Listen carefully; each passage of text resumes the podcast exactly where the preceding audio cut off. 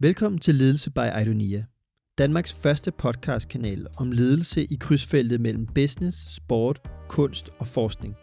Vi planlægger at udkomme hver måned med nye, inspirerende programmer om ledelseskunsten.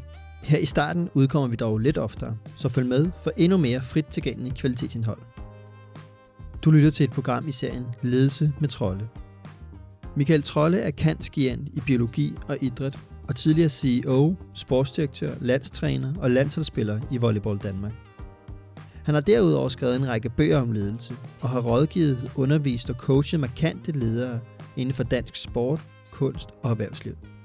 I dag er Michael co-founder og direktør i Idonia og Dreams and Details Academy, som han har skabt sammen med Jim Hagemanns Nabe og Jesper Lok. Igennem programmernes nedslag forsøger vi at invitere lytterne ned i de dybere lag i forståelsen af mennesket, vores præstationer, motivation og engagement, samt hvilket lederskab der skal til for at forløse menneskets maksimale potentiale. Vi håber, vi vil være i stand til at inspirere jer med dette program. God fornøjelse. Nu til dagens kapitel. I del 1 beskrev vi, hvorfor vi har et landshold, og hvordan man bygger et landsholdshus. Så hvis du ikke har hørt del 1 endnu, så anbefaler vi, at du gør det, før du hører videre her. I del 2 vil vi træde ind i landsholdshuset og trække på Michaels erfaringer som tidligere landsholdstræner til at vise, hvilke spillere, der bliver inviteret indenfor i huset, hvordan landsholdshuset ser ud indenfra, og til sidst, hvad det er for en unik ledelsesrolle at skabe et landshold. Vi starter med en ungdomslandsholdsspiller, der går ind på Michaels kontor, der dengang var landstræner, og spørger om, hvordan han kan komme til at bo i landsholdshuset. Jeg nævnte det jo lidt tidligere, det her med, med, med den, den her ungdomslandsholdsspiller, som, som mødte op på mit kontor i Brøndby og sagde, Michael, jeg vil gerne tale med dig tre timer om, hvordan man bliver landsholdsspiller. øh, altså, hvordan kommer jeg til at bo i det hus? Det er min store drøm, ikke? Og det kunne man jo aldrig sige nej til. Altså, fordi det er jo det er på en eller anden måde også derfor, det er der. Og det, man, jeg tror, man skal forstå, det er, at det her landsholdshus, det består jo af, af, af som vi har talt om også, mange interessenter. Så nogle gange, så ser man måske ikke alle rummene i huset. Og, øh, og nogle gange, så tror man, at det, der foregår i de rum, det er så også virkeligheden. Og, og der plejer jeg altid at sige til folk, at man skal huske, at sådan nogle huse, de kan godt nogle gange have nogle kældre med nogle bestemte rum. Og det er nede i kælderrummene, at den rigtige forståelse af, hvad der foregår, øh, rent faktisk bliver tydeligt og ikke nødvendigvis på de etager, som vi ellers sådan gebærter os på. Det leder os videre til spørgsmålet. Hvem står på dørmanden eller landstrænerens liste og kan blive lukket ind i landsholdshuset? Overvejelsen går på, om man skal vælge de bedste eller de rigtigste til at bo i huset. Og det er vigtigt, at man har de rigtigste. Og det vil som regel også være de bedste i samklang. Altså, de spiller den bedste musik sammen men det er ikke de sikkert, at de altid individuelt er de bedste. Og det, øh, det er ret interessant, at det her hus her skal have øh, et stort fokus på, at der er en harmoni, men den må aldrig nogensinde være på bekostning af ambitionen eller engagementet. Det tror jeg er ret vigtigt. Og så er det det der med, hvem er de rigtigste? Altså, landsholdshuset skaber jo i virkeligheden muligheden for at rejse med et landshold gennem tiden. Og derfor så vil det hus jo både omfatte dem, som er meget i det rum, hvor der er stor eksponering, og hvor kampen spilles, og så tænker folk, det er landsholdet. Men, men der er jo en masse, der også er i pipeline, der ligesom er på vej. Øh, så, så et landsholdshus har både en eksisterende sæson, men har også meget fokus på de nye sæsoner som vi også snakker om i Dreams and Teachers, det der med, og hvornår kommer de sæsonskifter, hvordan får man lavet dem med sådan den, den helt rette balance og timing, så det bliver den største præstationsevne i nuet, og den bedst tænkelige præstationsevne i fremtiden. Og så siger man jo, at hvis du har den største præstationsevne i nuet, eller den bedst tænkelige i fremtiden, så kan du dybest set ikke gøre mere end det. Så will the score take care of itself. Så vinder du over dem, du skal vinde over, og du taber til dem, du skal tabe til. Og hvis du er meget ambitiøs, så taber du mere, end du vinder. Fordi du vil hele tiden stræbe efter et højere niveau, hvor du starter med at tabe i en vis periode, indtil du er så dygtig til at bygge dit hus, så det hus skaber nye præstationsniveauer, hvor du kan forlade den gamle platform, fordi du begynder at vinde mere, end du gjorde tidligere, og derved kvalificere dig til et nyt niveau at præstere på, indtil du er i verdenstoppen, og måske vinder for det meste. Øh, og hvor den næste udfordring er et andet univers, men det bliver nok ikke i, i vores tid, så nok også for lang tid at rejse derhen. Og så kan man sige, altså, øh, altså hvad er vigtigt for en spiller, før de ligesom siger ja til at være en del af det her hus? Hvad, hvad betyder noget for en spiller? Når du nu får invitationen, så tænker man jo tit, også fordi at man, man måske er landstræner og tænker, ej, det er helt fantastisk, det her hus, jeg har bygget, og alle har lyst til at være med, og det kan de da ikke sige nej til. Og, øh, og det har helt noget at gøre med, hvor de er på deres personlige rejse. Dels som mennesker, dels som, som det specifikke individ, de nu er i deres livskontekst, og dels som øh, menneske i deres sportsgren. Altså er jeg et nyt talent? Hvad er det så for en del af rejsen, jeg er på? Hvad er det, huset øh, skal skabe for mig? Øh, eller har man spillet 100 landskampe? Og øh, er man på vej ud af huset, men man er der stadigvæk? Det er ret vigtigt, at, at når man inviterer, så jeg vil gerne invitere dig til at være en del af, af landsholdet, at man er god til at forstå, at det er et helt menneske, der skal kunne være i det hus. Så der er noget omkring det her menneskes privatsfære, hele liv.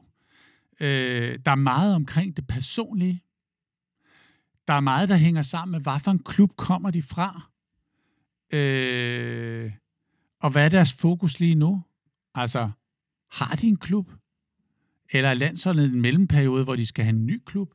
Det har stor betydning for ens lyst til at være med og belastningsgrad osv. Har man skrevet kontrakt for året efter, øh, har vigtige begivenheder lige efter en landsholdsudtagelse, kan man så overhovedet få lov at deltage? Deres øh, allokering af tid til et landshold er jo en livs investering.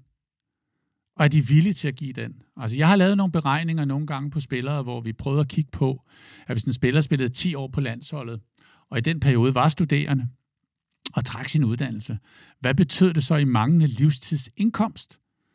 Og pensionsudvikling, hvis det var blevet indbetalt på en pensionskonto på det tidspunkt.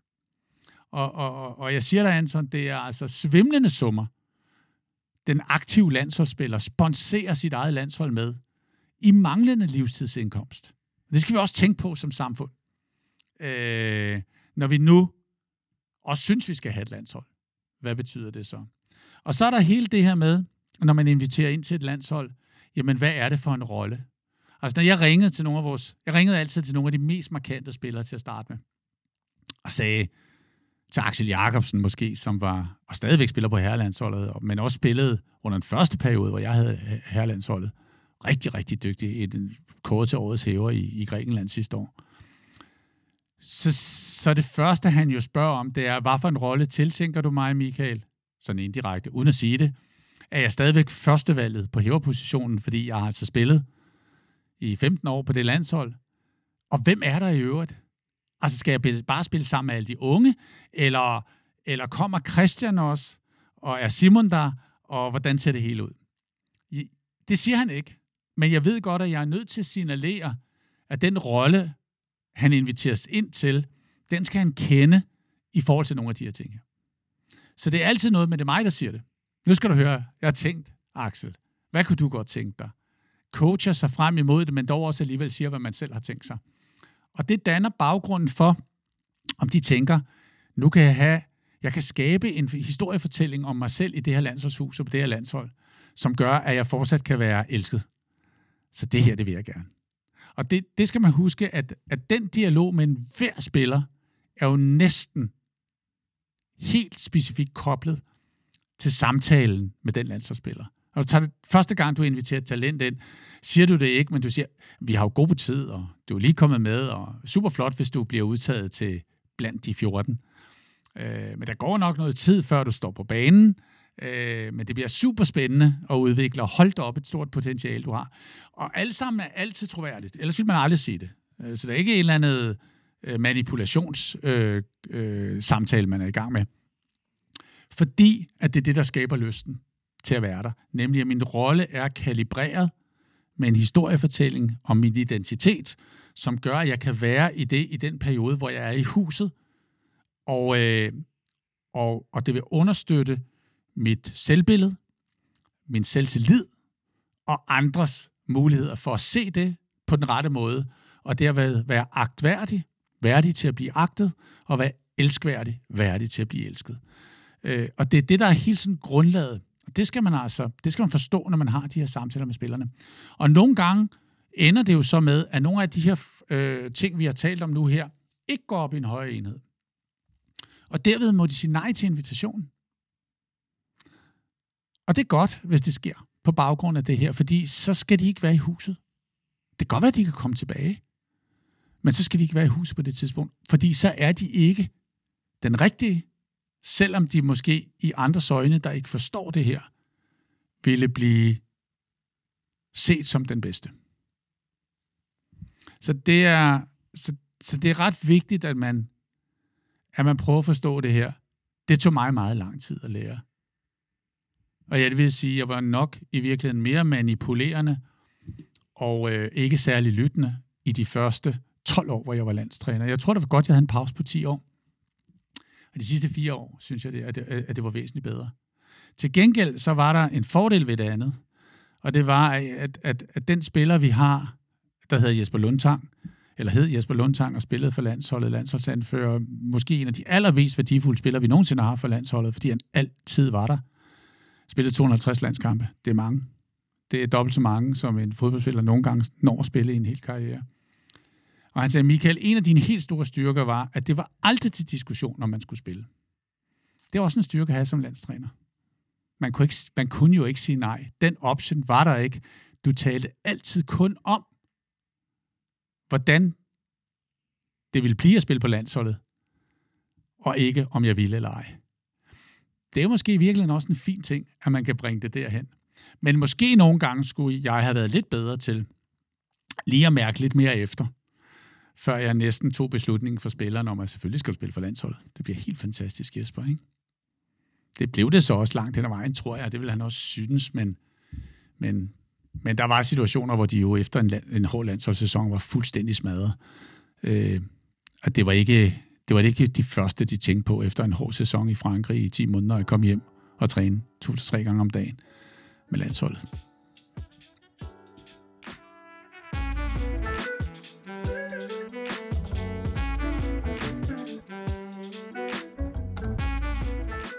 Altså jeg tror, at, at, at det der med vejen til landsholdet, og, og, og, og hvordan man ligesom får installeret den der GPS, det tror jeg hænger meget sammen med den her historie med, at, at man i en eller anden forstand er blevet, man er blevet ramt af den inspirerende drøm.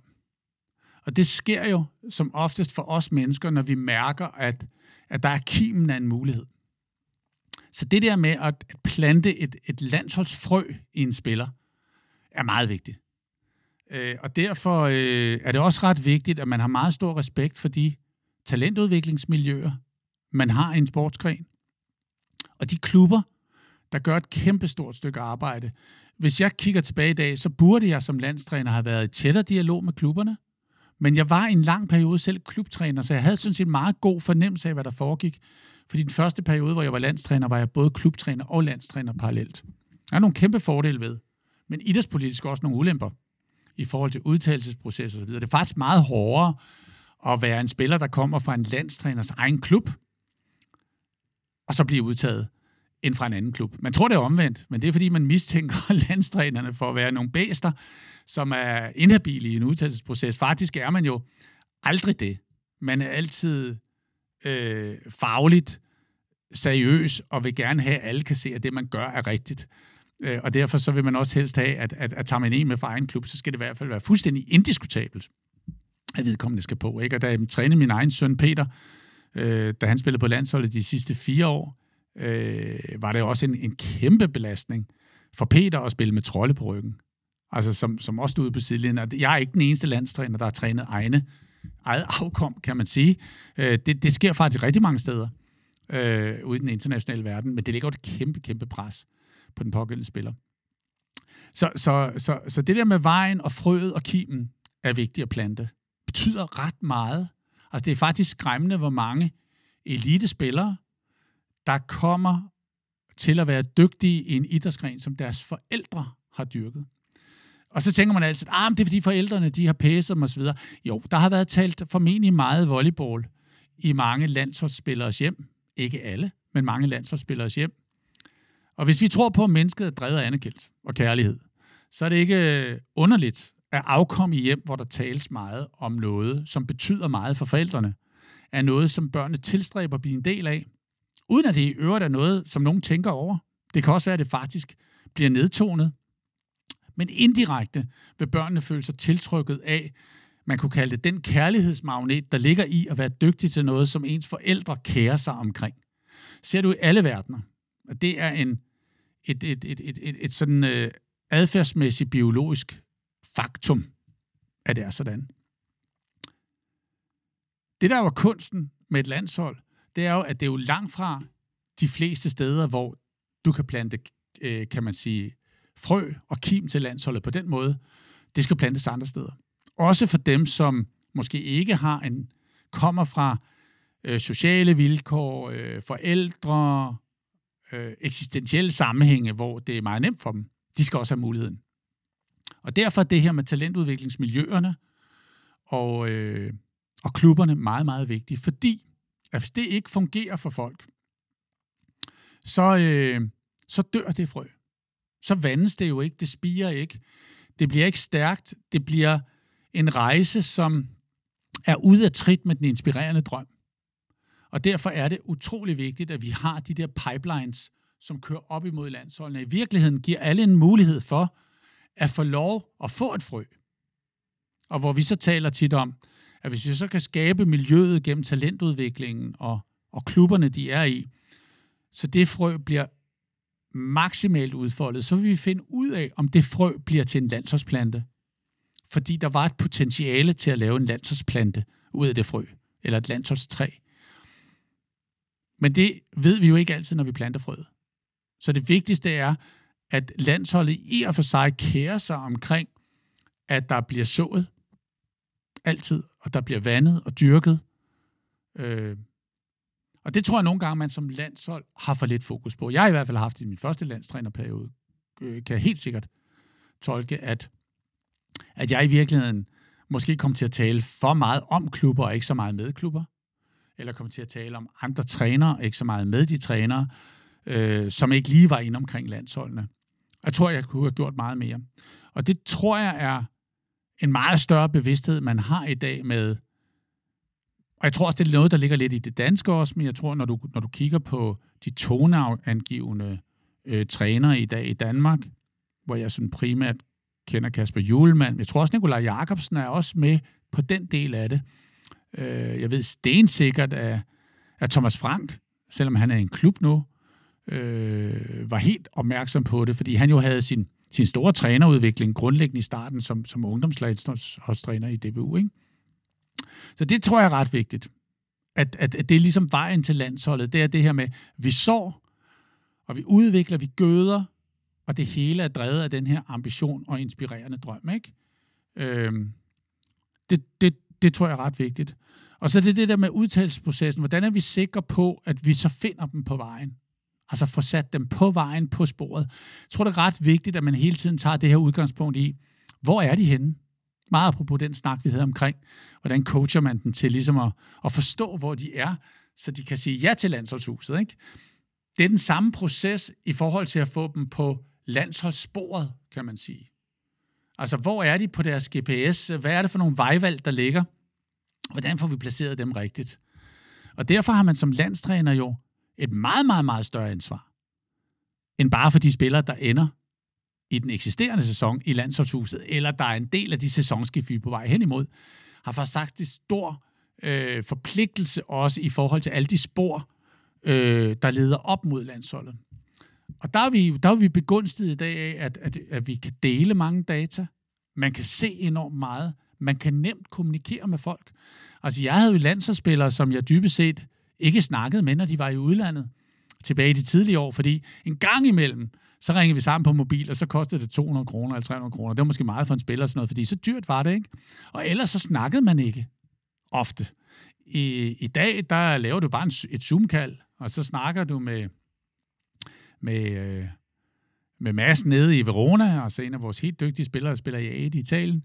Nå, men hvordan gik det i sidste kamp, og så videre, ikke? Og så er det op at køre. Og så ved, hvor, ved du, hvor de er. Og i, særdeleshed også med unge spillere, som du måske har haft inde til en tryout eller noget, så kan du have en løbende dialog, og faktisk lidt være sådan en, en ekstern rådgiver coach fra dem. Nogle gange også lidt et helle, fordi at, at der er ikke alt det her klubmæssige i spil. Så det der med at tale med en landstræner i sæsonen, kan nogle gange være rart. Når de så kommer ind på landsholdet, så er man træner for dem. Og så er der selvfølgelig en magtdistance eller et magtulighed. Men nogle gange i en coaching-snak omkring deres klub, øh, kan landstræneren spille en rolle. Jeg synes, det er ret vigtigt, at man har et, et, et meget stærkt netværk af trænere, som, som hjælper en til at se den der pipeline og forstå deres GPS. Øh, og der kan være rådgivere. Øh, det tror jeg er ret vigtigt. Øh, så det er noget med at kunne se de der, de der spillere rejse. Så på en eller anden måde, så hjælper du dem med at være, måske ikke på sporet, men forstå retningen. At de har den rette GPS installeret, og du hele tiden er med til at opdatere softwaren i deres GPS. Og så i virkeligheden, allervigtigst, sørge for, at dem, der er omkring dem, derhjemme i familien, deres venner og kærester, deres trænere, at de, at de sørger for at hjælpe dem med, at de ser den her GPS ret tydeligt. Så får du vandet det frø på den rigtige måde. Og så er jeg lige ved at sige, så, så får du udviklet det potentiale, der er til stede. Og så giver det egentlig sig selv. Øh, enten så finder de ud af undervejs, at det landsholdshus her, det havde jeg en stor drøm om. Men nu kan jeg godt forstå, hvorfor jeg ikke skal være en del af det hus. Og så vil deres livsrejse tage en drejning. Og det drejer udenom landsholdshuset, og det er rigtig, rigtig, rigtig godt, hvis det sker. Fordi deres oplevelse af at være i huset skal jo være meningsfuldt, og ikke meningsløst. Og det er kun meningsfuldt at træde ind i et landsholdshus, når man kan blive elsket derinde. Så derfor er det egentlig en naturlig selektionsproces, at når de står foran døren, og man er dørmand, øh, så skal det gerne være som en konsekvens af en rejse, som har været så rigtig, så det er indiskutabelt, at de skal ind. Og derfor skal man i princippet ikke agere dørmand. Man skal egentlig bare holde døren. Man er den servant leader, der åbner døren for dem, og kommer til at åbne flere og flere og flere døre ind i det hus, så langt vi nu kan komme. For det er det, en servant leader gør. Ikke? En servant leader har viljen til at åbne de døre til elskværdige rum, de kan træde ind i. I en forhåbning om, at de til sidst træder ind i det her ultimative, kamppræsterende rum, og bliver en startende landsholdsspiller, der, der vinder kampe, som jo er målet i sidste instans, og alt det andet her er, er midlerne til det. Øhm, og grundlæggende handler det hele om, at når døren der bliver åbnet, så træder man ind over en dørtærskel, hvor er man næsten med et, men også som en naturlig konsekvent, trækker den her trøje ned over hovedet, hvor der står Danmark på ryggen. Det er også derfor, at der er så mange artefakter. Altså, du får din taske med din landspakke for sæsonen, og nede i den taske, der ligger det hele. Altså, det eneste, du dybest set selv kun har, det er din, øh, din sko. Nogle gange får du også dem, der står ikke Danmark på, men det er så fordi, at, at der slides så meget på skoene, så man også får den del af, af udstyret. Men resten er en uniformering.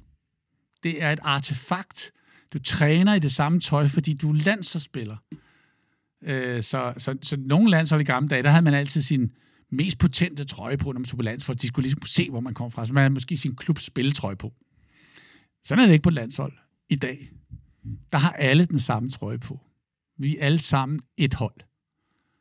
Øh, og det sker, når du træder ind over den dørtaske, og, og derfor får du et en identitet, som meget gerne skal være kalibreret med dit selvværd, altså værdien af den, du er. Og derfor skal det jo selvfølgelig også kalibreres i forhold til, er jeg 18 år og træder ind, eller træder jeg ind, og jeg har været her rigtig, rigtig mange gange før. Men alligevel er det den samme pakke, du får, men det er en en speciel identitet, fordi du er det menneske, du er. Og så træder du ind, øh, og så så er du pludselig i en position, hvor at, at du er landsholdsspiller, eller du er en del af landsholdet. Det er det, det hele handler om. Jeg tror, det er vigtigt, når man kommer ind i det her landsholdshus, så er det jo ikke alle rummene, der er for alle. Dels er der sådan nogle formelle rum. Der er rummene, hvor trænerne er, og analysen foregår. Der er rummene, hvor mentaltrænerne arbejder og taler med spillerne, og, og de har deres karaktertræk. Der er rummet, hvor, hvor hele den medicinske stab er, og styrketræningen foregår. Der er træningsudviklingsrum og, og rummene, hvor spillerne slapper af. Der er soverummene, der er opholdsrummene, der er spiserummene, der er, der er alle de her. De fysiske rum kan vi egentlig godt forstå. Og i de rum, der foregår der nogle bestemte ting. Der er forskellige ledelsesroller og, og, og roller for de personer, der er der. Der foregår forskellige ting. Og alle disse rum skal være til stede. De skal være velkalibreret i forhold til opgaven. Så man skal selvfølgelig vide, hvad den der idrætsgren har brug for, og hvad skal der til på allerhøjeste niveau. De skal virke i samklang. Det er måske et meget godt udtryk. Altså, de skal kunne spille sammen. Og det kan ikke nytte noget, at man har en så eksalteret og, øh, og egoistisk træner for spillerne på det fysiske plan, så det hele handler om fysisk træning. Altså, det dur jo ikke. Det handler om den rigtige fysiske træning i balance med alle de andre elementer. Fordi det er den rigtige stø fysiske træning. Så, så, så der er en stor, det her med, at huset skal rumme en stor respekt for de enkelte domæner, de enkelte rum. Og, øh, og derfor er det vigtigt, at man går på besøg i de forskellige rum. Så alle skal vide, hvad der foregår i alle rum. Øh, og det er ret vigtigt, at, at, at, at man kan det det. Derfor er det heller ikke øh, uvæsentligt, at man for eksempel nogle gange på, på en dansestur bor på det samme etage. Altså, jeg har fysioterapeuter, som er kommet sammen. Michael, jeg er nødt til at, at, at skifte rum, fordi mit rum er på første sal, og spilleren bor på tredje sal. Jeg aner ikke, hvad der foregår. Jeg kan ikke mærke dem. Øh, øh, de kommer ikke, som de plejer. Øh, tit og ofte, så er, er fysioterapeutens lokale et sted, hvor man lidt hænger ud. Det er sådan også lidt et værested. Øh, der tales om noget andet. Der er nogle gange lidt mere løsluppen stemning, selvom at, at fysioterapeuten er dybt professionel. Og det kan ikke noget, det ligger et, et andet sted, for de skal ligesom være en del af, det fungerer bedst, hvis det er en del af denne gang. Hvorimod trænerne kan godt nogle gange være lidt længere væk. Øh, fordi der beder man spillerne om at komme ned og se noget specifik video, eller hvad det nu kan være. Så er det, så er det lidt anderledes. Så, øh, så det skal man ligesom, det er sådan set ligesom et, et, et, det er et rigtig fedt kollektiv. Altså det skal det være. Øh, I sådan øh, i gængs forstand. Øh, og det er, det er meget svært at kalibrere, det er helt perfekt. Men hvis man kan det, så, så kan sådan et hus blive ret fantastisk. Og derfor er det også problematisk, hvis de fysiske loka- øh, lokationer ikke kan opfylde det. Så det gør man meget ud af, når man er på tur med landsholdet, at alle disse ting er i orden fra start af. Og tit og ofte laver man research inden. Så nu går vi fra, hvordan man bygger et landsholdshus, til hvad man så gør med det derfra. Typisk vil den første mission for et landshold være at kvalificere sig til en slutrunde. Og den proces består blandt andet af en holddannelse, en masse træning og til sidst de afgørende detaljer i kampen. Og forløbet trækkes egentlig af to ting. Et, hvilke perioder i sådan en, et forløb kan vi dedikere os til primært at udvikle landsholdet? Og hvilke perioder bliver vi nødt til at dedikere os til at skabe det præsterende landshold? Det er en svær en at være i som landstræner. Fordi vi har lige talt om det der med pipelines, er vigtigt, at der kommer nogle nye, og hvordan og hvorledes er det. Så det er ret vigtigt også for at slutte fred med, hvad kan vi i virkeligheden i sådan en forberedelsesperiode? Fordi tit har, har jeg stået med nogle af, af de der meget dygtige assistenttrænere, som også var omkring landsholdet, og kigget på en spiller og sagt, okay, men der er jo for kort tid. Altså, og det kunne have været en meget markant spiller, som i løbet af 14 dage skulle blive rigtig, rigtig, rigtig dygtig til at eksekvere sin rolle på en specifik position i en given kamp.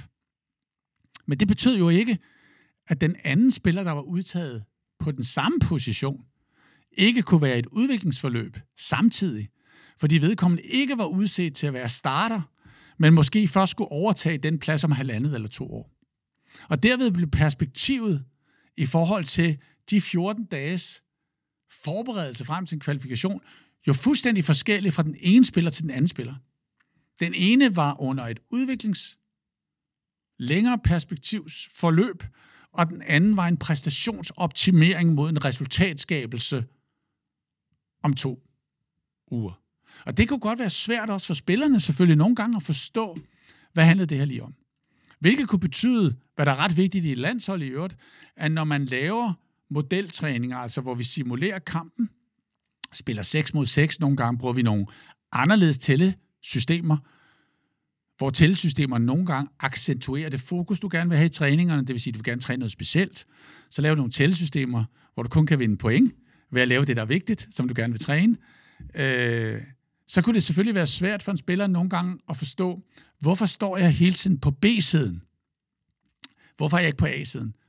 på et landshold er der altid en A og en B-side. Vi taler aldrig om det. Men, men, men det er meget tydeligt. Det er ret vigtigt nogle gange, at man ikke tror, at man kan lave et godt landshold ved at lade spillerne udkonkurrere hinanden i et forberedelsesforløb. De skal gøre hinanden bedre sammen, fordi de deler på nogle roller. Og de rollebesætninger skal være på plads når vi konkurrerer. Men når du samtidig gerne vil have unge spillere nye talenter på en plads i en pipeline, hvor de kan overtage andres, så er det ikke altid hensigtsmæssigt at bare have to, der præsterer og kæmper mod hinanden. Der kan den rollefordeling, den unge, den gamle, nogle gange være en rigtig god ting. Men det kan selvfølgelig være svært for de to spillere i forløbet at forstå, hvorfor er den ene altid på A-siden, og hvorfor den anden altid på B-siden. Jo, fordi ham på A-siden skal have maksimal spilletid med A-sidens spilfordeler.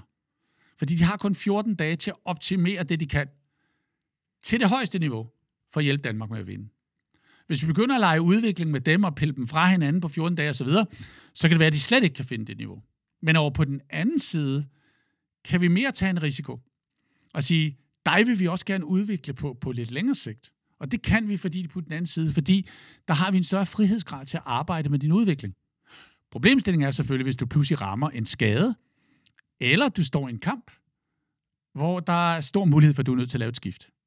Og det er klart, den fornemmelse har du også nogle gange. Så hvis du har en fornemmelse af, at den her spiller på A-siden, i løbet af de 14 dage der, måske ikke helt kommer ind på det niveau, så skal din præstationsudvikling jo sikre, at den anden på B-siden kan tage positionen og hjælpe i kampen. Og derfor kan det godt være, at du ikke skal have en helt uerfaren over på den anden plads det er meget, meget spændende at lege med de holddynamikker og få det på plads. Øh, du sender signaler til dine spillere om, at, at, at i de her øh, funktionelle træninger skifter du dem øh, måske bare en enkelt på hver sin side af nettet, og derved ved du, at du er runners op til nogle positioner, og du kan måske godt, og du vender dig til at komme ind på A-siden, ligesom du vil gøre en kamp, og finde din plads der og blive hjulpet. Øh, du affinder dig også med, at blive skiftet ud fra A-siden, og måske komme tilbage i en kamp. Altså alle disse dynamikker er at spille i det rum. Og, og det er det hele præstationsforberedelsen går på. Udover alt det formelle omkring at bringe folk i fysisk form, mentalt det rigtige sted hen, som også har noget med det her at gøre. Men dybest set handler det om at få deres roller kalibreret på kort og lang sigt, til at vi kan tage alle dem, der er inde i landsholdshuset, og sætte dem ind i arenaen, tage halvdelen af holdet og sætte ned i udskiftningszonen, den resterende del af holdet ind på banen i de bedst tænkelige roller, sætte et landsholdsteam op af ledere og scouts omkring dem, som servant leaders, der så meget som overhovedet muligt understøtter, at de inden for halvanden time kan forløse det maksimale potentiale. Jeg tænker også, det er spændende det her, det er, hvordan det kan være så effektivt, at det er usagt, de her mekanismer. Ja, det, og det er et godt spørgsmål. Jeg vil så også sige, at nogle gange er det ikke helt usagt, men det er også et spørgsmål om nogle gange øh, at, at gøre det synligt, men ikke tale det ihjel. Problemet er også nogle gange, at det, at det ikke talte her nogle gange er stærkere i sit signal og nemmere at håndtere, end hvis det bliver kommunikeret med ord, og derved skal oversættes i en eller anden kontekst øh, sammenhæng, hvor man prøver at forstå, hvad er det egentlig, der bliver sagt. Det, der er ret vigtigt, det er den, kan man sige, instant feedback, eller den dialog, der er omkring at kalibrere de signaler. Fordi hvis du ser jo, at det her skaber nogle problemer, eller det her, det forstår spillerne ikke, så skal man have en snak om det. Men der foregår så mange ting i sådan en kalibrering, at hvis du skulle tale det hele på plads, så, øh, og jeg har været en, der har talt meget, og jeg har tit fået kritik for det også. Jeg tror, det var vigtigt, fordi det var vigtigt at få kommunikeret nogle ting præcist. Men jeg tror, hvis du taler, skal prøve at tale det på plads, så får du slet ikke tid til at træne. Altså, fordi det, det vil tage lang tid, ikke? Så, så, så der er mange af de her ting her, som vi, hvor vi sender signalerne igennem øh, den sammenhæng, den kontekst, øh, den rolle, vi positionerer os i, hvor det også bliver synligt for os, hvad vi skal gøre. Vi vil jo også gerne have, vi tror jo på, at mennesket udvikles eksponentielt og udfolder sit potentiale i højere grad, hvis de får lov til det. Og hvis de selv deltager som en aktiv part. Så hvis mindsetet er tydeligt, og rammerne er, er veldefineret, det er jo også det, vi taler om lidt her, så siger vi jo egentlig indirekte til spillerne, fold dig ud. Jeg frisætter dig, fold dig ud. Og gør det efter bedste evne, sammen med dine holdkammerater i dialog med mig som træner. Øh, frem for, hør på, hvad jeg siger. Så det er sådan lidt det der spil, hvordan, hvordan får man skabt det? Altså i virkeligheden får det jo en kunstnerisk dimension. Spil det bedste, du kan på dit instrument inden for det her, men husk, at det er det her musikstykke, vi præsterer indenfor. Altså, det, som vi har talt om i nogle af de andre sammenhænge. Ikke? Så, så det at forstå den der bevægelse af spillerne, hvordan rolle, evner, samspillet, mindsetet, rammerne og deres individuelle, elskværdige rejse hen over arenaen, hvad enten de er inde eller ude af den, og, og videre til den næste kamp. Øh, hele den dynamik kræver en ret indgående forståelse af, øh, af mennesker. Tager meget lang. Jeg synes, det, for mig, jeg var måske mindre talentfuld som leder på det område, det ved jeg ikke. Men altså, det tog lang tid for mig rigtigt at forstå det. Altså, hvordan var det her? Jeg tog, tog måske for ofte for meget udgangspunkt i, hvordan jeg selv så det. Og ikke så meget, hvordan andre havde omkring det. Det er der så nogle af de tidligere spillere, jeg snakker med i dag, når vi nogle gange sådan kigger tilbage, som siger, Michael, det var også en styrke. Altså, fordi du var så tydelig i, hvad det var, vi skulle. Så, så det var nemt for mig at være i det. Så centralt i det her står balanceringen af det kortsigtede og det langsigtede udviklingsforløb. Og den balancering sker naturligvis på træningsbanen. Dybest set handler træningsdagen jo om at kunne skabe den bedste dag for den enkelte i forhold til der, hvor vi er på vej hen. Og der, hvor vi er på vej hen, er vi jo på vej hen sammen, men hver spiller jo på vej derhen på sin måde. Så, så træningsdagen handler meget om i virkeligheden kortsigtet, langsigtet at gøre folk klar til den videre rejse. Således, for Bort Kasper udtryk, at vi er det rigtige sted, når vi skal være der. I forhold til, til præstationen, hvis det er en kamp, vi skal spille. En meget sjov historie i øvrigt, anekdote omkring det her, var, da vi, da vi lavede EM på hjemmebane i, i 2013, der var kronprinsen protekte for arrangementet, så han ville gerne ud og besøge spillerne. Og øh, vi havde en, en ret sjov assistenttræner, Martin, på det tidspunkt, som så sagde til kronprinsen, da han kom ud, at øh, man kunne få den her helt specielle sølvnål, volleyballforbundet sølvnål, hvis man, øh, hvis man kunne modtage en, som ekstern en bold for den her servekanon. Og der var han altså meget frisk, kronprinsen, og gik ind, tog sit ur af, sin vest af, og gik ind og smøgede skjorteærmerne op, og den første bold blev skudt med over 100 km i timen lige brystet på kronprinsen. Der er nærmest blevet væltet om kul. Men det slog ham altså ikke ud. Og han tog en-to forsøg mere, og så lykkedes det rent faktisk for ham med et bakkerslag at modtage bolden fint op i luften, og så fik han under stor øh, jubel og klapsalver udleveret forbundet sølvnål. Han har nok fået den alligevel. Men, øh, men det var så meget sjovt. Altså, så han kom virkelig i maskinen, kan man sige. Og sådan ved hele det der formiddagsrum, være jeg gearet, koblet med fysisk træning, der vil være fysioterapeuter, der tager sig af spilleren osv. Og så spiser man en meget stor frokost for at få alle depoterne på plads. Og så hviler man meget om eftermiddagen, og der kan være meget mentalt og taktisk arbejde i de eftermiddage der. Men spilleren skal også have mulighed for at lukke helt af. Øh, så der har man øh, jo det her, der hedder øh, Data Volley, som er det her fantastiske Business Intelligence System, som øh, optager alle kampe, kan optage alle træninger. Og under træninger har vi også nogle gange radarkanoner på, så vi kan måle, hvor, hvor hårdt de server. Fordi hvis de server en bestemt terrortype, og den ikke er hård nok, Så, så der er meget teknologi involveret. Og det her øh, data volley, det har, har de her scouts og nøgler til, og spillerne kan faktisk få tilgang til det også, og, og videoer, så de kan se alle sekvenser fra træning og kamp, og bruge det som et supplement i deres træningsudvikling. Og samtidig kan der være koblet mentaltrænere på også, som jo taler med dem om alt det her, der foregår, som vi taler om, som spillerne kan have øh, øh, behov for at tale med nogen om, som både kan have noget at gøre med rejsen, de er på som landsholdsspillere, men også bare kan have noget at gøre med at finde det rette, kan man sige, det rette sted at være, også mentalitetsmæssigt og mindsetmæssigt i forhold til opbygning af det rette spændingsniveau frem mod kamp osv., som er enormt individuelt. Og derfor skal der arbejdes en del med det. Altså, der er nogle spillere, der skal være helt op og rulle og køre, og der er nogle, der skal være meget afslappet under kampen, for rent faktisk at kunne øh, præstere bedst muligt. Det foregår i de der rum, også i huset, som vi taler om. Der er forskellige steder, hvor du går ind.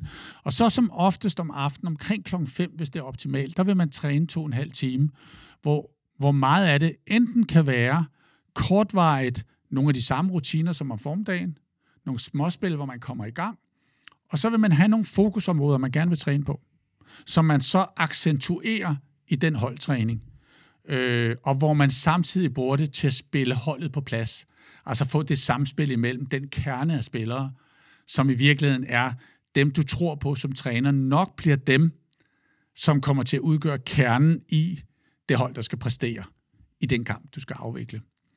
Sådan vil, vil, vil de rum være, med variationer på alt det, vi har talt om, vil de komme dag efter dag efter dag.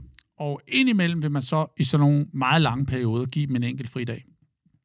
Og indimellem vil der være alternative ting, der er puttet ind, som gør det, som også gør, at der er nogle afbræk, betyder meget for, for spillere. Nogle af spillerne er ret gode til det. Axel Jakobsen, som har argentinsk herkomst, spiller på det der landshold, jamen så er det ham, der laver grillbøffer en aften, øh, og så tager man et eller andet sted hen og gør det. Fordi det synes jeg, når man kommer fra Argentina, så skal man i hvert fald en gang eller to gange om året have gode bøffer med landsholdet. Ikke? Og så får de de der afbræk, og det kan man sagtens få flettet ind i det.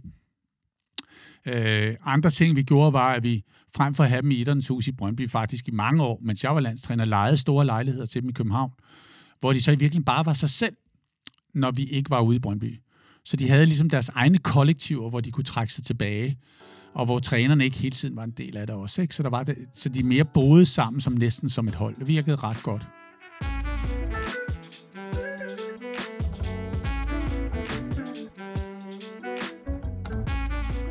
Hvis man så skal tale om, hvordan det ser ud på kampdagen, så er det helt anderledes. Altså, der vil man som oftest have gjort sig klar dagen inden. Man er enten kommet frem til en destination, eller man er hjemme. Man har gjort alt klar. En god regel er, at på kampdagen, der skal alt sådan set være på plads fra start af. Du laver en meget let træning om formiddagen, har maksimalt en time. Spillerne springer ikke alt for meget. Og så har du nogle afpustninger i løbet af dagen, men ellers handler alt om at få den enkelte hoved på plads, få repeteret nogle små taktiske detaljer. Øh, du fortalt lidt om øh, præcis, hvordan du har lyst til at spille kampen. Og du har de sidste taktiske forberedelser, som handler meget om modstanderen. Men det er også noget, hvis du har god tid, at du har planlagt i dagene op til. Øh, du ved først øh, 24 timer cirka inden en kamp, hvilke spillere et andet hold ankommer med. Så der frigiver de deres første, det man kalder roster, eller spillerliste. Og der kan du næsten regne ud, hvordan de kommer til at spille, hvis de er 14 med. Også hvis der er to, der er skiftet ud. Så er man så trænet, så man ved, nu er der to andre med, og dem kender man godt. Er det to unge? Er det en skadet stjernespiller, der nu er kommet tilbage? Og så kan du simulere, hvordan du tror, det kommer til at foregå. Så det tager du med ind i dine overvejelser. Begynd at tale med dine spillere om, for det kan først gøre 24 timer inden. Det kan godt være, at alt det der, vi har forberedt mod Sverige, det ændrer sig nu. For nu er Markus med igen på deres højre kant, og vi ved jo godt, at når Markus er med, så er det et helt andet svensk landshold. Så nu skal vi være opmærksom på det. Alle de ting kommer ind. Og først når du kommer ud i hallen, så først øh, øh, meget, meget kort tid inden at kampen bliver sat i gang, afleverer de to trænere deres holdopstilling. Og først der ved du reelt, hvad du er op imod. Så kan du lave en lille kalibrering omkring det. Og tilbage i tiden, og det er ret sjovt, der kunne du planlægge meget mere, end du gør i dag. Så helt tilbage i i den første landsholdsperiode, der var volleyball meget sekventielt. Vi har talt om det før. Altså det var, det var næsten forudsigeligt, hvad en modstander gjorde i en given situation. I en given rotation, i en given kvalitet af spillet, kom der til at foregå det her. Og det var næsten signifikant. Så det kunne du forberede. Og vi lavede nogle systemer i gamle dage, som jeg udviklede sammen med en, der hedder Peter Bøgild, hvor vi havde startet i regneark, hvor egentlig hver boldberøring blev kvalificeret og kvantificeret, således at du kunne se en sammenhæng i en spilmodel. Ikke? Du kunne næsten forudse musikken, der ville blive spillet. Det har man jo med sig. Hele det værktøj her er i virkeligheden alt det, der kalibrerer, men jo også skal tappe ind i din forberedelse af dit hold, således at du i virkeligheden prøver at lave et hold, der er på en præstationsrejse, hvor dit ambition er, at mens du spiller kampen, så har du ikke planlagt, hvilke data de skal spille på. Du har planlagt, hvordan de skal spille. Og mens de spiller sådan, hvordan, så bruger du dataene til i virkeligheden at vise dig, om de er der. Og hvis de ikke er der, så er du nødt til at kalibrere deres adfærd, deres indsats, for så at kunne indstille data via deres præstation på det rigtige niveau. Og det prøver man hele tiden i alle rotationer for det til at passe. Og måden, det foregår på en kamp, er jo virkelig, at spillerne går ind på banen og spiller volleyball. Bum. De øh, forsøger at udfolde deres potentiale og gøre det så godt, som de kan. Øh, og man hjælper dem så meget som muligt gennem sætpauser, udskiftninger, råbe ind på banen, timeouts. Omkring banen har du, og det, nu bliver det meget nørdet, ikke? der har du fire til fem coaches. Du har en head coach, der står på sidelinjen. Du har to coaches på bænken, en defense og en offense coach. Og på bænken sidder som regel også en fysioterapeut, som hjælper holdet undervejs med vand og alle de der ting der, hvis der kommer en skade. Nede bag ved banen, der sidder din scout, altså Francesco Leni hos mig, og så sidder der en endline scout også, som også er en del af coaching-teamet, som har delay video, fra bagsiden af, eller fra bagkanten af spillet, altså ser spillet fra baglinjen, som med 20-30 sekunders delay kan se bolden en gang til. Således så man lidt nogle gange i tvivl om, sad vores blok rigtigt, bum bum. Så man lige se det igen og sige, okay, det var egentlig okay, det var bare de andre, der gjorde noget godt, eller hvad det nu kunne være. Alle disse coaches på nær scouten, fordi ham må man ikke forstyrre. Han sidder og skriver nærmest blindskrift på sin computer, så måden han taster på er synkroniseret med boldens bevægelse i spillet. Så han spiller faktisk musikstykke i timing og synkoper og så videre, og får de data ind så godt som man kan. Nogle gange skal det efterbearbejdes, så den der timing bliver helt rigtig. Fordi sidenhen skal man kunne koble billeder og data helt perfekt. Men de fire andre coaches, endline scout, coach, undskyld, endline coach, de to på bænken, defense offense coachen og mig, vi har headset på, mikrofon, så taler du hele kampen igennem coachen på sidelinjen må ikke vide for meget om de konkrete data, fordi coachen på sidelinjen skal arbejde med sin intuition i fuld spil. Så en meget stor del af dømmekraften. Men de to coaches på bænken, de skal kunne høre, hvad der kommer nedefra, og alt det, Francesco Leni får ind af data, det kommer op til dem på hver deres iPad eller computer. Og der er åbne nogle vinduer, hvor de data, der har med offense og defense at gøre, som spejles over i The Grid, hvor The Grid så kan lyse grønt og rødt i de steder, hvor at data ikke er, som de skal være. Og derfor kan de komme til mig og sige pludselig, Michael for pokker, Rasmus' servetryk er for lavt. Og det får jeg måske bare at vide. Så kigger jeg ind på kampen, og så tænker jeg, hvor nervøs er Rasmus? Øh, kan jeg sige til ham nu, når han går ned og server, bare tryk til den, Rasmus? Eller skaber det en for stor chance for, at han fejler? Eller skal jeg sige, kom nu Rasmus, sæt den nu bare i spil. Og hvor er vi i kampen? Er det en bold, hvor de andre føler sig presset, fordi vi har set bold? Det er min afgørelse. Det prøver jeg at bringe over til Rasmus. Spillerne må ikke have headsets på. Det er nok også meget godt, så de vil blive trætte at høre på deres træner. Men det er, det er bare detaljer at, at invitere ind til, hvor, hvor komplekst det kamprum er. Og der forsøger man jo så på halvanden time at få præstationen til at blive rigtig. Således at den dybest set skaber det, vi talte om i en af de aller, aller første udsendelser, vi lavede. Momentum, vil vi kalde det. Eller et winning window. Så længe som overhovedet muligt. Fordi volleyball, der skal du have momentum rimelig lang tid igennem en kamp, for at vinde nok point. Hvorimod i fodbold kan du faktisk nogle gange jo være hammerne pressende. Jeg husker det første mål, tror jeg, mod Belgien til EM, ikke? hvor vi scorer inden for meget kort tid, fordi vi presser dem helt vildt i starten, uden de måske lige vidste. Og så kan du score, og så kan du måske forsvare dig hjem. Det kan du ikke i en volleyballkamp. Så det er lidt anderledes. Ikke? Så det, det er kampdagen. Og så efterfølgende, altid i omklædningsrummet. Der har jeg begået den fejl, at jeg for lidt gik i omklædningsrummet, når vi havde vundet. Fordi i virkeligheden handler det måske om at blive enige om, hvad der gik godt, og lidt mindre grad, hvad der ikke gik så godt. Øh, der tror jeg nogle gange, at nogle af de evalueringer har handlet for meget om, specielt der var yngre træner, om hvad der ikke gik godt, og ikke så meget om, hvad der gik godt. Men debriefing er altså meget vigtigt, at få lukket døren til kamprummet. Gå ind i huset igen, ind i alle de andre rum, og bruge dem bedst muligt til at åbne døren til det nye kamprum. Ja, noget, noget af det, jeg tænkte om lige om konkret, det der med at gå ind i omklædningsrummet lige efter kampsituationen. Hvor meget kan man sige der, hvor meget er følelser? Ja, det... Så hvor meget er øh, sejrsros, eller øh, sorgen over at have tabt en spændende kamp, eller skuffelsen? Ja, ja det, jeg synes, det er super svært. Hvor, hvor konkret skal man blive? Ja. Jeg tænker, man ja, vil bare er... sige, godt spillet, dreng, hvis vi ja. vandt, og vi snakker om det i morgen, hvis vi tabt. Ja, det, det, er, det er et super godt spørgsmål, Anton, og det er ikke et, det er ikke noget, man kan give et entydigt svar på. Altså, og det er jo det politiske svar at give. Men jeg synes, at det er vigtigt, at man altid får forladt en kamp på en god måde.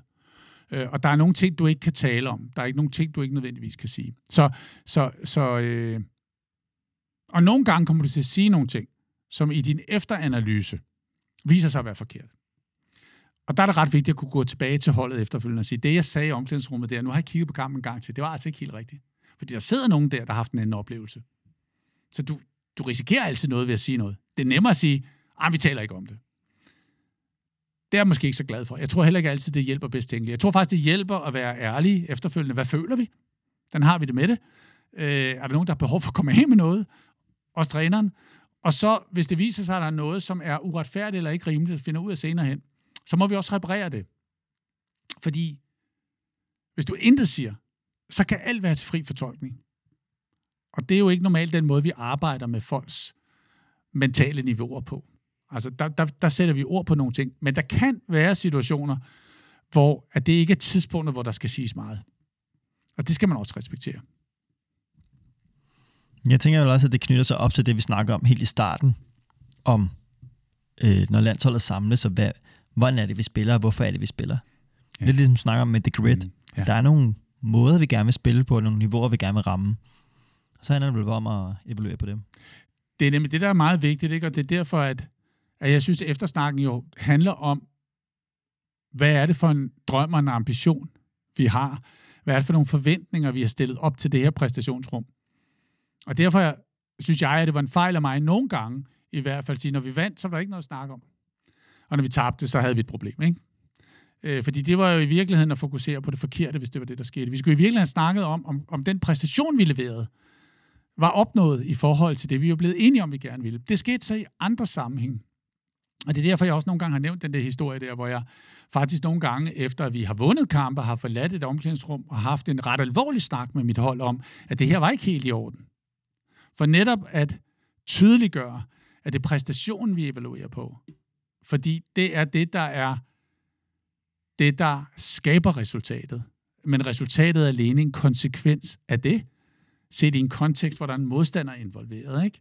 Og derfor giver det meget, meget mere mening at tale om præstationen. Også selvom vi måske har tabt. Også forladen omklædningsrummet afklaret, fordi vi havde spillet en fantastisk kamp. De andre var bare en tand bedre. Øh, og det måtte vi så tilbage i landsholdshuset og gøre noget ved, nemlig ved at øve os endnu mere. Så næste gang vi mødte dem, så ville den præstation, vi kunne iscenesætte og tale om og opfylde, være nok til at vinde kampen.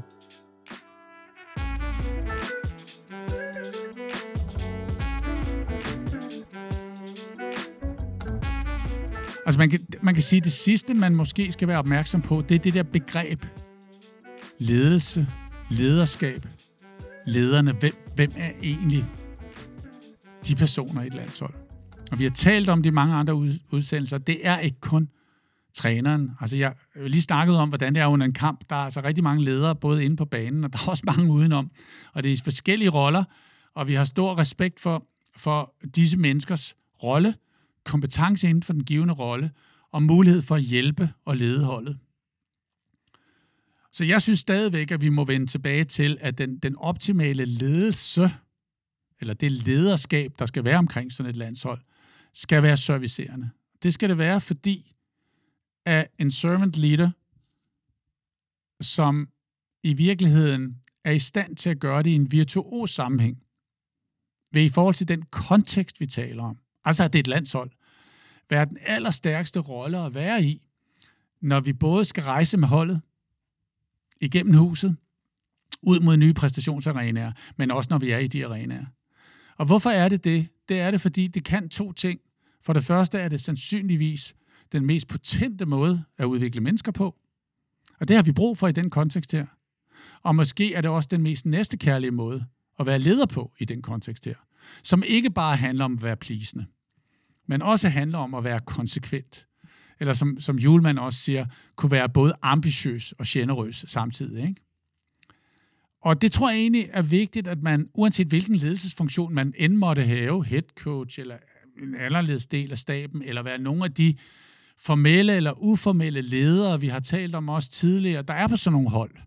Og hvor vi nogle gange gør det tydeligt ved at give dem ministerposter, eller hvad bokker man nu, folk nu finder på, øhm, at det i en eller anden forstand øh, forstås som lederskabet med disse forskellige ledelsesrum og ledelsespositioner sat i spil, men at de alle skal forstå, at de skal servicere holdet i en kontekst af det virtuose.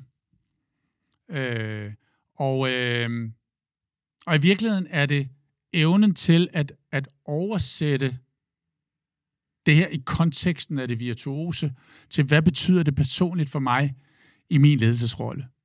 Og det her, det bliver vanvittigt tydeligt, når man læser specielt om, om tophold inden for sportens verden. Er fuldstændig ligesådan i erhvervslivet. Fuldstændig ligesådan i kunstens verden, men mindre velbeskrevet. Men det er det samme. Og det var nogle af de ting, som Jim Hammond Snape og jeg fandt ud af, da vi skrev Dreams and Details, og skulle begynde at tale om lederskabet.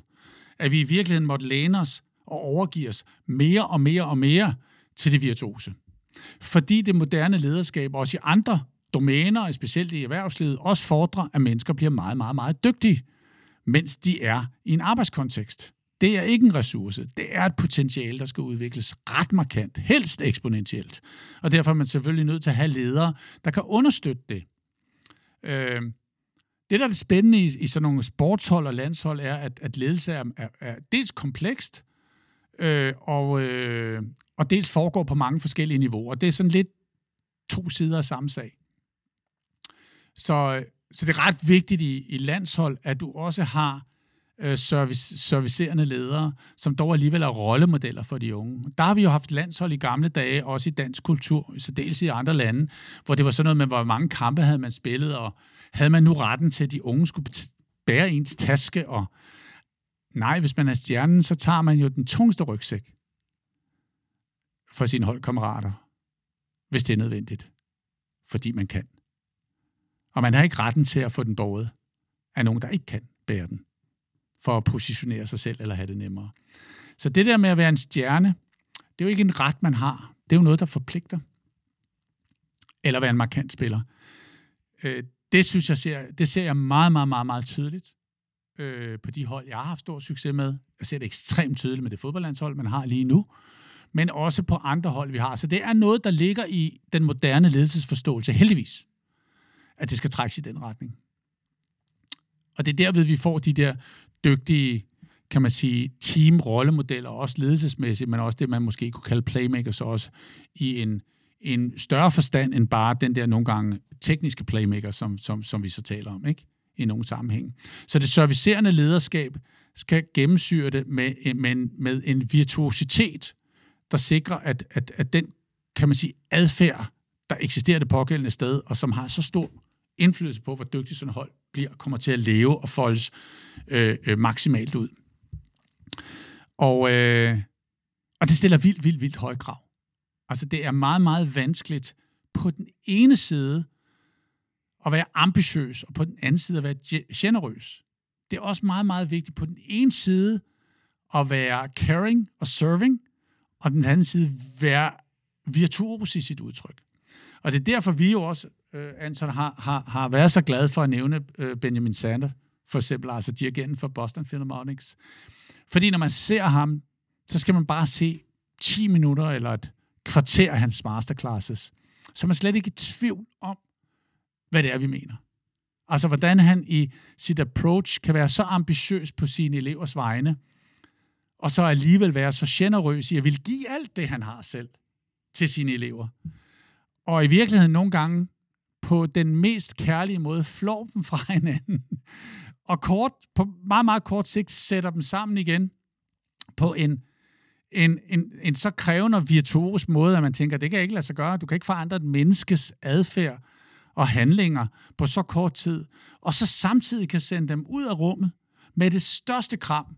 Og hvis du stikker en mikrofon op til vedkommende efterfølgende, så vil den person, der har været igennem den mølle, sige, det har været de, de bedste 30 minutter i mit udviklingsliv. Ikke alene som violinist eller som dirigent, men måske de 30 bedste minutter i mit liv. At kun det som leder, det fordrer det at være en del af lederskabet. Uagtet om du er head coach, eller du er en del af stab, eller du er nogle af de ledende skikkelser på holdet. Så er det i hvert fald det, der bør være din inspirationskilde. Fordi hvis du har det lederskab, så bidrager du til den største mulighed for, at dem, du omgiver dig med, som du er leder for, udvikler deres potentiale maksimalt. Du sikrer dem den største resiliens, altså robusthed og modstandsdygtighed og evne til at give, der kunne klare sig i en fremtid, der stiller meget store krav til dem, for det gør det, når man er en del af landsholdshuset. Og igennem at hjælpe dem med det, skaber du et mod hos dem, fordi de regner med, at de kan klare den, og derved bliver mere modige.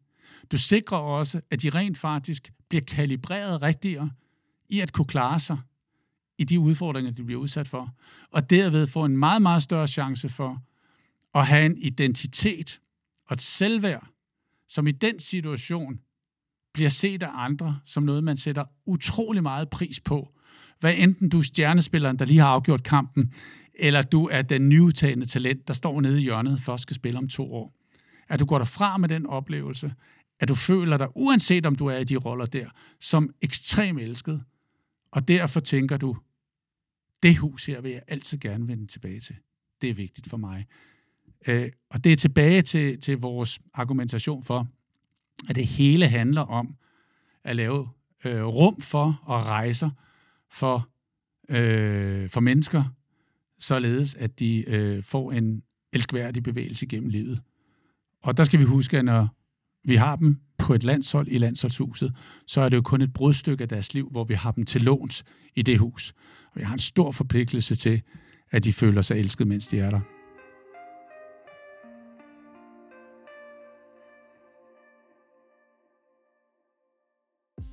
Du har lyttet til et program i serien Ledelse med trolde. Mit navn er Anton Mærkød Knudsen. Jeg er redaktør på kanalen og har derudover min ekspertise inden for præstationspsykologien.